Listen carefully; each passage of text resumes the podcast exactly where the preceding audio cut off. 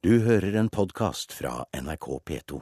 Hovedorganisasjonen Virke truer med å trekke seg fra avtalen om inkluderende arbeidsliv. Og i Politisk kvarter blir det debatt om denne avtalen og det ultimate kravet som vi har hørt om i Dagsnytt og Nyhetsmorgen i dag. Lars Nehru Sand? Virke mener det er mye som ikke virker. Hele trepartssamarbeidet tar debatten nå.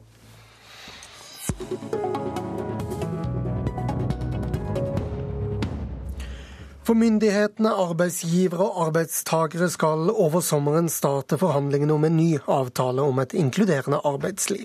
Allerede nå stiller hovedorganisasjonen Virke ultimatum for å signere. Vi ønsker hele trepartssamarbeidet velkommen til Politisk kvarter.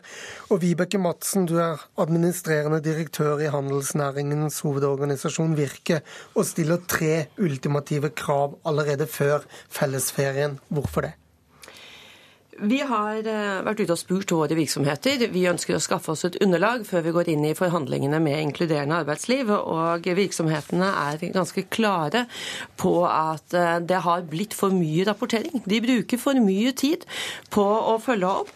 Og eh, gradering, som jo er det viktigste virkemidlet til å få folk tilbake i jobb, du blir frisk av å være på jobb, ja, den har vi ikke løftet i hele tatt. De siste månedene har heller gått litt ned. Og tilretteleggingstilskuddet er viktig for små og mellomstore virksomheter for å være med på dette. Så skal vi videre, så må disse eh, punktene her eh, innfris. Vi klarte ikke det forrige gang, nå må vi ha det. Vi har også med oss Cecilie Bjelland fra Arbeidsdepartementet, statssekretær, og Liv Sandnes, nestleder i samfunnspolitisk avdeling i LO. Og Sandnes, du reagerer på at Virke stiller krav før forhandlingene er i gang. Hva er så galt med det? Nei, jeg må si jeg ble litt eh, overrasket, for jeg tror Jeg syns det er mest fruktbart å gå inn i forhandlingene um, for å få til best mulig drøftinger med sikte på enighet, og at man tar den diskusjonen når, etter at eh, forhandlingene er i gang. Men hva er så galt med noen konstruktive utspill før Altså man i hvert fall er klar over posisjonene? Jo, det er greit for å sette i gang en diskusjon, men jeg syns det er litt langt å gå og sette ultimatum før forhandlingene starter. Men deler av dette f.eks. at det må bli mindre byråkratisk, det er du også enig i? Ja, eh, i og for seg så er eh, alle punktene viktige punkter eh, å diskutere framover i forbindelse med forhandlingene. Og det med å forenkle oppfølgingssystemet ser vi også behov for, som vil være et av punktene vi må se nærmere på i forhandlingene. Madsen, for å være mer konkret, hvilke byråkrati- eller antibyråkratitiltak er det medlemsbedriftene dine ber om? Ja, Det er jo særlig eh, omfanget av rapportering, eh, bl.a. f.eks. etter ni uker osv. osv. Og det bedriftene da spør om, er det behov for å eh, rapportere så, så, mye, så ofte? Og, og, det kanskje det viktigste det er jo at virksomheten stiller spørsmålstegn. Blir all den informasjonen vi rapporterer, brukt til noe? Så det er grunnlaget for at vi går inn i forhandlingene og må sette oss ned og se hvordan kan vi forenkle dette, hvordan kan vi fjerne noe? Og selv i rapporten til, som arbeidsministeren har bestilt, så sier jo også man at kanskje ikke eh, Nav skal ha den store kontrolloppgaven, eh, men kanskje vi skal bruke Arbeidstilsynet på det, og med stikkprøver. Vi får spørre Arbeidsdepartementet, statssekretær Cecilie Bjelland, blir all rapportene brukt nå? For det første så har jeg lyst til å si at det er veldig positivt at eh, partene er innstilt på å gå inn i forhandlinger, for det er det beste utgangspunktet for at vi skal kunne få til en ny avtale. Så er det det neste, og det er om at det har vært bestilt en rapport som det ble påpekt av, av Sintef, som påpeker en del svakheter, men òg mye av det som har vært positivt, og som virker med IA-avtalen. Blant annet så har vi fått etablert dette som inkluderende arbeidsliv som et begrep i norsk arbeidsliv med det. Vi ser at sykefraværet går ned. Vi ser at folk nå står lengre i stillingene sine enn før. Eh, og vi ser òg om at det er oppfølgingspunkter som kan gjøres enda bedre, og noe som kanskje må endres. Og da kan jeg jo si at i forhold til uh, dette med byråkrati og i forhold til rapportering, så konkluderer akkurat denne rapporten med at det med oppfølgingsplaner og dialogmøter tidlig i en fase av sykefraværet, det er veldig viktig, og at det fungerer. Og jeg tror alle parter er opptatt av at vi skal spille videre på det som fungerer, men gjerne formen ikke optimalt, og det må partene diskutere. Ja, Det var talepunktene, men til spørsmålet blir informasjonen som bedriftene rapporterer inn, brukt nå? Til en viss grad så blir det brukt, og det blir fulgt Så opp. ikke fullt ut, så da er det mye som kan kuttes, med andre ord. Ja, det som vi da har sett, det er at det kan nok være en forenkling i forhold til det det skal partene nå, nå diskutere. Eh, Madsen, du er også opptatt av det som eh, heter gradert sykemelding, altså at man ikke er 100% sykemeldt, men kanskje 40 eller 60 eh, Og så eh, sier du at legene må med for å få til denne eh, revolusjonen, for å kalle det det. Er det for lett å bli sykemeldt av norske fastledere eh, 100% i dag? Det skal ikke jeg si noe om, men vi som en hovedorganisasjon, og som representerer store deler av norsk næringsliv, vi ser jo og hører fra bedriftene våre at det i liten grad blir brukt gradering. Faktisk de siste månedene så har det gått litt ned. Og når vi vet at det er det viktigste punktet til å få folk tilbake i jobb, altså ikke være for lenge borte, eh, det å ha kontakten med jobben, det gjør deg håper si, friskere ved å ha denne kontakten også. Da mener jo vi at vi må få legene med på laget til å kunne gradere mer. Kontakten med arbeidsgiver er viktig. Så opplever da arbeidstakeren eh, Sandnes, at det er ikke i alle yrker, bransjer, hvor gradert sykemelding er så eh, reelt. Hvorfor det, og hvilke bransjer er det snakk om?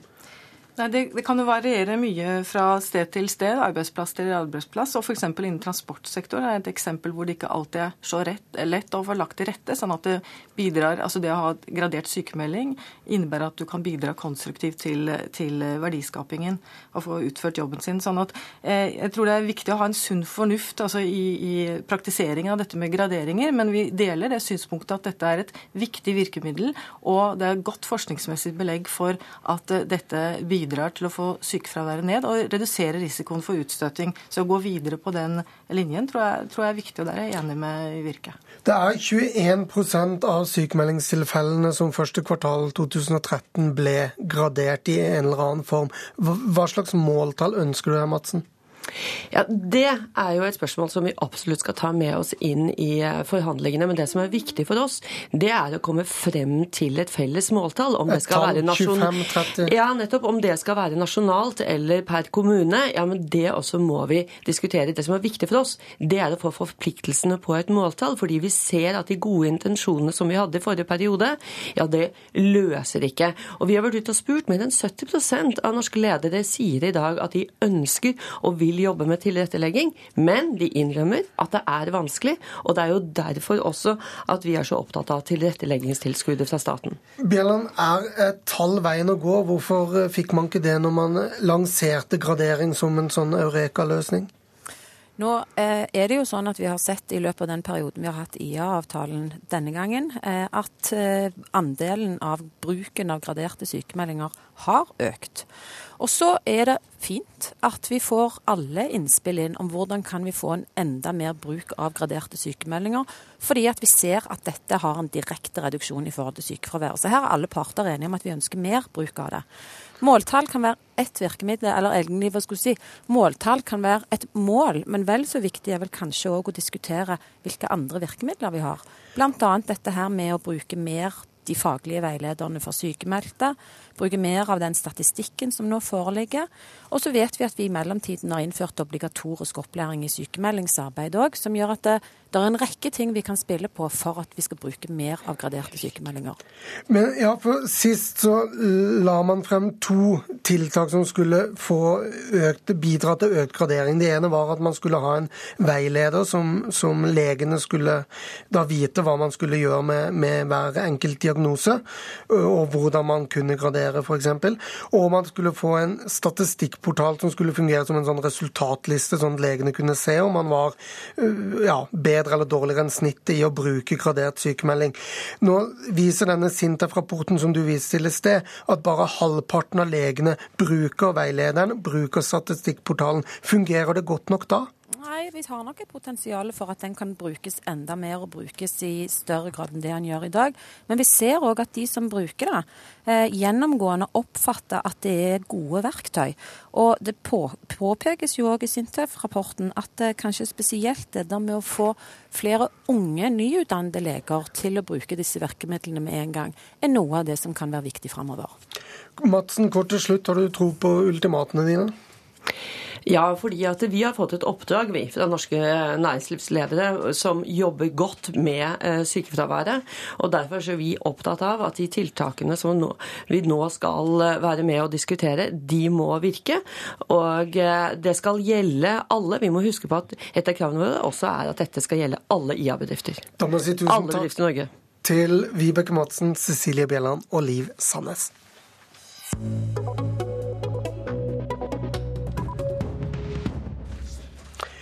I sommer skal vi bli bedre kjent med unge politiske talent i våre største parti. Partiene har selv plukket ut listekandidater du kan lære deg navnet på før valget.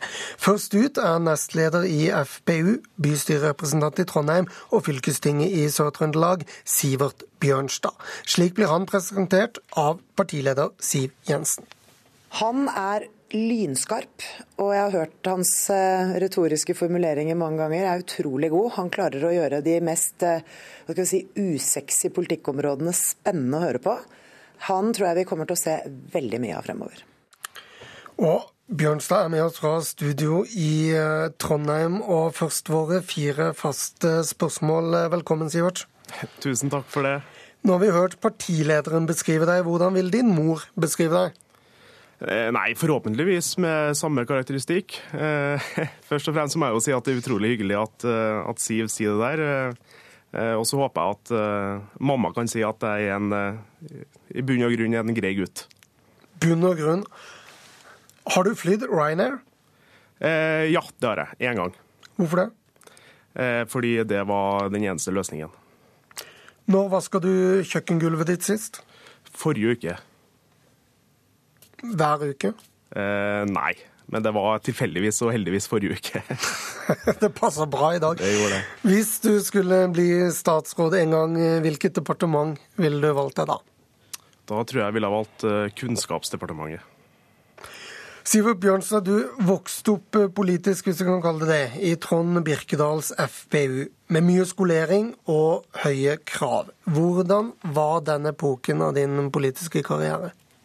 Det var veldig artig og en uh, tøff start. Uh, og det tror jeg egentlig gjorde, gjorde, oss veldig godt. At vi ble uh, drilla i partiets politikk tidlig og ble satt, vi ble satt krav til.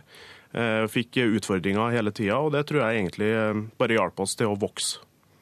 Ja, er du da lært opp til å bli en partibroiler? Nei, altså vi eh, blir jo først og fremst lært opp i eh, praktiske problemstillinger, og ikke uh, å snu seg rundt retorisk. Så jeg tror det viktigste vi har lært, er jo at vi faktisk må sette oss inn i saker, i stedet for å ta, i for å ta snarveier. Det er ikke alle som blir stortingskandidat i den andre aktive stortingsvalgkamp. Du ble med etter 2005-valget, etter da å ha lest samtlige partiprogram. Og som ung liberaler, hva var galt med høyre og venstre, f.eks.? Nei, jeg syns, eh, syns, vel de ble litt for lite, litt for lite liberale og satt eh, for lite tillit til enkeltmennesket. Eh, skole var viktigst for meg den gangen. og jeg så den enhetsskolen vi hadde som ikke hadde forandra seg under eh, Bondevik-regjeringa, nevneverdig i hvert fall, og som ikke passa for alle. Eh, alle er ikke helt gjennomsnittlige, og det var noe som trigga meg den gangen. I sommer skal du i tillegg til å drive valgkamp være med en motkampanje til LO. Fortell hva du skal gjøre. Ja, altså, først, altså LO gjør jo en veldig viktig jobb med denne sommerpatruljen. Men i disse tider så er det kanskje enda viktigere å spørre hva bedriftene trenger. Eh, hvilke rammebetingelser kan vi som politikere endre eller gjøre bedre eh, i disse usikre tider? Det tror jeg er en viktig oppgave vi som politikere har. Så er du spesielt opptatt av boligpolitikk, eh, som jo angår mange unge. Hva er Fremskrittspartiets løsninger? Ja, Det er mange. Blant annet så er det viktig å få fjerna egenkapitalkravet på 15% som nettopp har kommet. Eh, vi mener at eh, betalingsevnen eh, er viktigere. I tillegg så er det lagt masse restriksjoner på hvordan man kan bygge. TEK10, Nå kommer passivhusstandard snart, og alt det kommer til å fordyre bygging av boliger. og Det går først og fremst utover ungdom og førstegangskjøpere. Du kjemper mot Snorre Valen, mot uh, stortingsplass fra, på Sør-Trøndelagsbenken. Hva gjør du dersom det er han som vinner?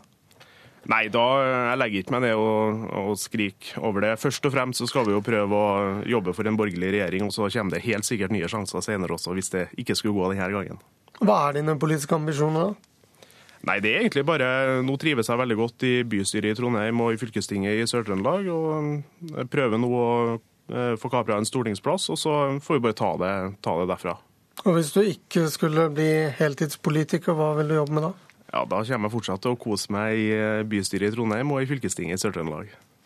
Tusen takk, Sivert Bjørnstad, som altså står på Sør-Trøndelagslisten til Frp. Det var det vi rakk i Politisk kvarter 1.7. Husk at vi ikke tar sommerferie i år. Du hører oss igjen i morgen. Du har hørt en podkast fra NRK P2.